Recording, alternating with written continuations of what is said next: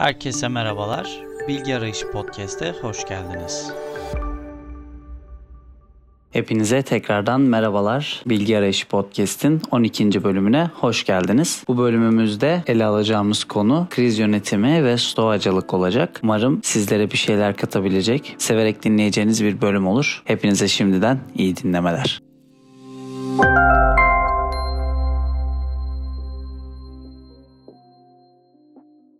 Tekrardan merhabalar. Giriş bölümünde de söylediğim üzere bugün ele alacağımız konu stoacılık ve kriz yönetimi olacak. Bu konuyu açıklamak maksadıyla önce sizlere yaşadığım bir olaydan bahsetmek istiyorum ve daha sonrasında da stoacılığın 3 temel prensibinden yola çıkarak kriz anlarında nasıl davranmamız gerektiğini ve stoacılığa göre ne gibi davranışlar sergilemenin bizim için faydalı olduğunu ele alacağım. Tekrardan bahsedeceğim olaya dönecek olursak geçtiğimiz bölümde de söylediğim üzere biz sanat, felsefe ve bilim adında yeni bir oluşuma gittik ve bu oluşumla birlikte aslında LinkedIn platformu üzerinden de canlı yayınlar yapmaya karar verdik. Bunun için 8 Mart Dünya Kadınlar Günü tabii ki bizim için önemli ve başlangıcı yapabileceğimiz güzel, anlamlı bir gündü ve 3 e, güzel konukla bu 8 Mart gününde e, ilk canlı yayınımızı gerçekleştirmiş bulunduk. Tabii canlı yayınlarımızı daha önceden araştırmış ve üzerine tabii ki bir şeyler okumuş, çabalar sarf etmiş olsak da ilk canlı yayımız olmasından dolayı bir takım teknik aksaklıklar kaçılmaz olarak gerçekleşti. Bu da aslında tecrübesizlikten ve aynı zamanda teknik sorunlardan yani biraz da bizim elimizde olmayan durumlardan kaynaklanıyordu. Ve dışarıdan baktığımız zaman da aynı şekilde geriye dönüp baktığımız zaman da bu yaşadığımız teknik aksaklıkları ve bir noktada krizleri aslında sanat, felsefe ve bilim ekibi olarak çok güzel bir şekilde yönetebildiğimizi gördük. Bizzat olarak ben geriye dönüp baktığımda gerçekten tam stoacılığa yakışır bir şekilde diyebilirim. Bu krizlerin üzerinden gelebildiğimi gördüm. Bunu yaptığım yani bunu gerçekleştirirken hangi değerleri göz önünde bulundurduğumu ve neleri nasıl yaptığımı analiz ettiğimde karşıma bir patern çıktı. Bu paternin de 3 temel noktasına değinmek istiyorum bu podcast'imizde. Bunlardan birincisi aslında şu premeditatio malorum yani olumsuzluklara ve yaşayabileceğimiz aksaklıklara aksaklıklara daha öncesinden düşünsel anlamda kendimizi hazırlamak. Tam çevirisini yapacak olursak kötülüklere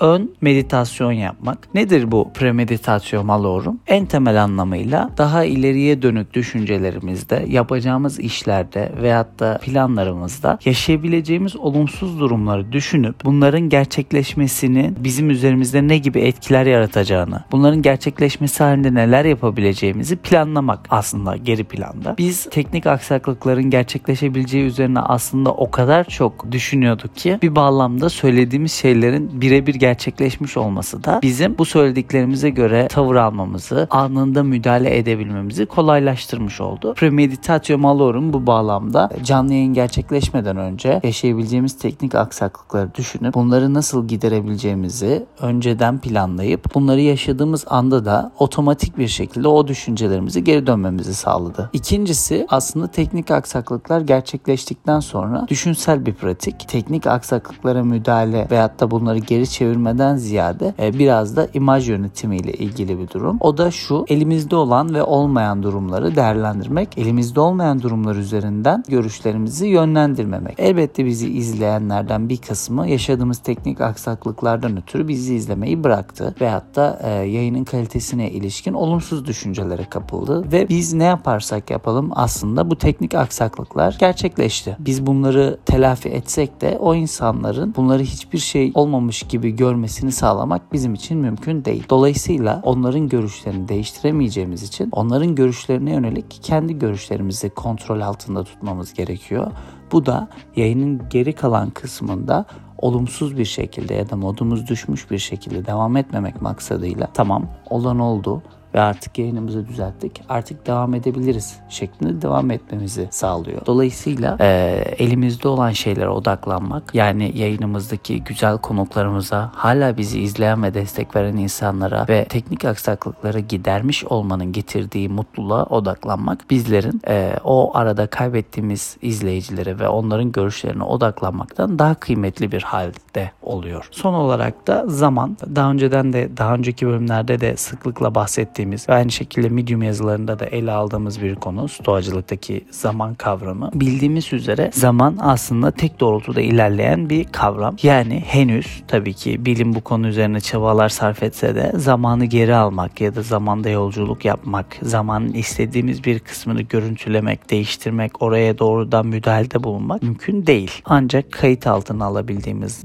noktalarda bunları izleyebilmemiz mümkün. Ama bu bile aslında ileriye dönük yaptığımız bir planın ve çabanın sonucu olarak ortaya çıkan bir şey. Dolayısıyla hala daha zamanın doğrultusuna müdahale etmiş olmuyoruz. Ee, bu bağlamda zamanın hiçbir zaman geriye akmayacağını da biliyoruz. Yaşadığımız aksaklıklar içinde aslında bunu düşünmemiz gerekiyor. Olan oldu. Yani bir noktada tekrardan elimizde olmayan konulara geliyor. Fakat burada zamanın kıymeti de ayrıyadan değinilmesi önemli bir konu. Olan oldu ve bu olanı değiştirmek artık elimizde değil. Tabii ki aksaklıkları giderdik ama bu bir kere yaşandı. Dolayısıyla önümüzdeki canlı yayınlar için her seferinde işte bu aksaklıklar yaşanacak mı? İşte bu aksaklıklar yaşanırsa ne olur? Ya da işte konuklarımıza rezil olduk, şuna şöyle oldu gibi düşüncelere kapılmak aslında modumuzu düşüreceği gibi bir noktada da zamanımızı harcayacaktır. Dolayısıyla en kıymetli kaynağımız olan zamanı bir takım ileriye dönük veyahut da geçmişten kalan e, düşünce ve duygularla e, olumsuz yönde etkilemek, elimizdeki en kıymetli varlığı bu yönde kaybetmek hem üretkenliğimizi kısıtlayacak hem de ne zaman sonlanacağını bilmeyeceğimiz bir kaynağı e, oldukça gereksiz bir yere çarçur etmemize neden olacaktır. Bu bağlamda stoacılıkta zamanın yeri zaten e, ayrı ve tartışılması daha uzun süren ayrı bir bölüm içerisinde ele almamızı gerektiren bir konu. Fakat çok basit bir şekilde değinecek olursak zaman belki de bizim tek kıymetli kaynağımızdır. Geri kalan her şeyi düşündüğümüz vakit e, zaman harcayarak üzerine zaman katarak elde ettiğimiz şeyler olarak görebiliriz. Örneğin çok sevdiğiniz bir kadın olabilir ya da erkek ve onunla vakit geçirmek istiyor olabilirsiniz. Onunla hayatınızı geçirmek istiyor olabilirsiniz. Ya da bir kariyer e, yolu çizmişsinizdir ve bu kariyer yolunda başarılı olma planınız vardır. Veyahut da e, çok sevdiğiniz müzisyenler vardır ve onları dinlemek istersiniz.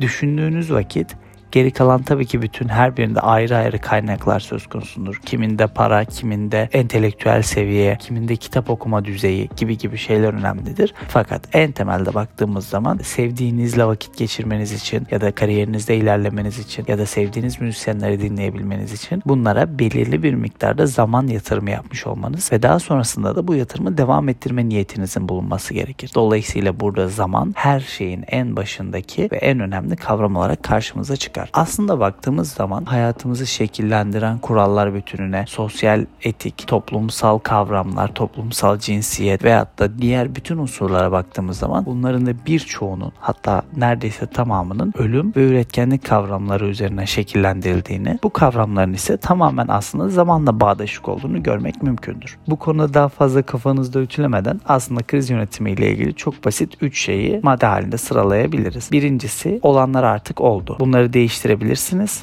Fakat bunların olduğu gerçeğini değiştiremezsiniz. Bunu kabul etmek ileriye dönük olarak sizin işinize yarayacaktır. İkincisi olanlarla ilgili bunlara tanıklık eden insanların fikirleri onların şahsi fikirleridir. Bunu değiştirmek için çaba sarf edebilirsiniz. Fakat bunların değişmemesi sizin çabanızın değişeceği anlamına gelmez. Sizin yapmak istediğiniz iş hala daha kaliteli ve iyi bir iş olabilir. Kimin ne düşündüğü bu bağlamda sizin bu konu hakkındaki düşünceniz de kısıtlıdır. Son olarak da premeditatio malorum yani yaşayabileceğimiz durumların her birinin elbette ki olumsuzluklarla karşılaşması mümkündür. Bugün evden çıkarken anahtarınız kayıp düşebilir, telefonunuz düşüp çatlayabilir, bilgisayarınızı kırabilirsiniz ve birçok farklı sağlık sorunu gerçekleşebilir. Gibi gibi gibi gibi birçok felaket tellallığı senaryosu mümkündür. Dolayısıyla hayatımızda yaşadığımız ve plan yaptığımız konularda en azından olması en muhtemel kötü durumları daha öncesinden düşünüp bunlara uygun bir şekilde kendimizi şekillendirmek, ileriye dönük olarak da bu durumların yaşanması halinde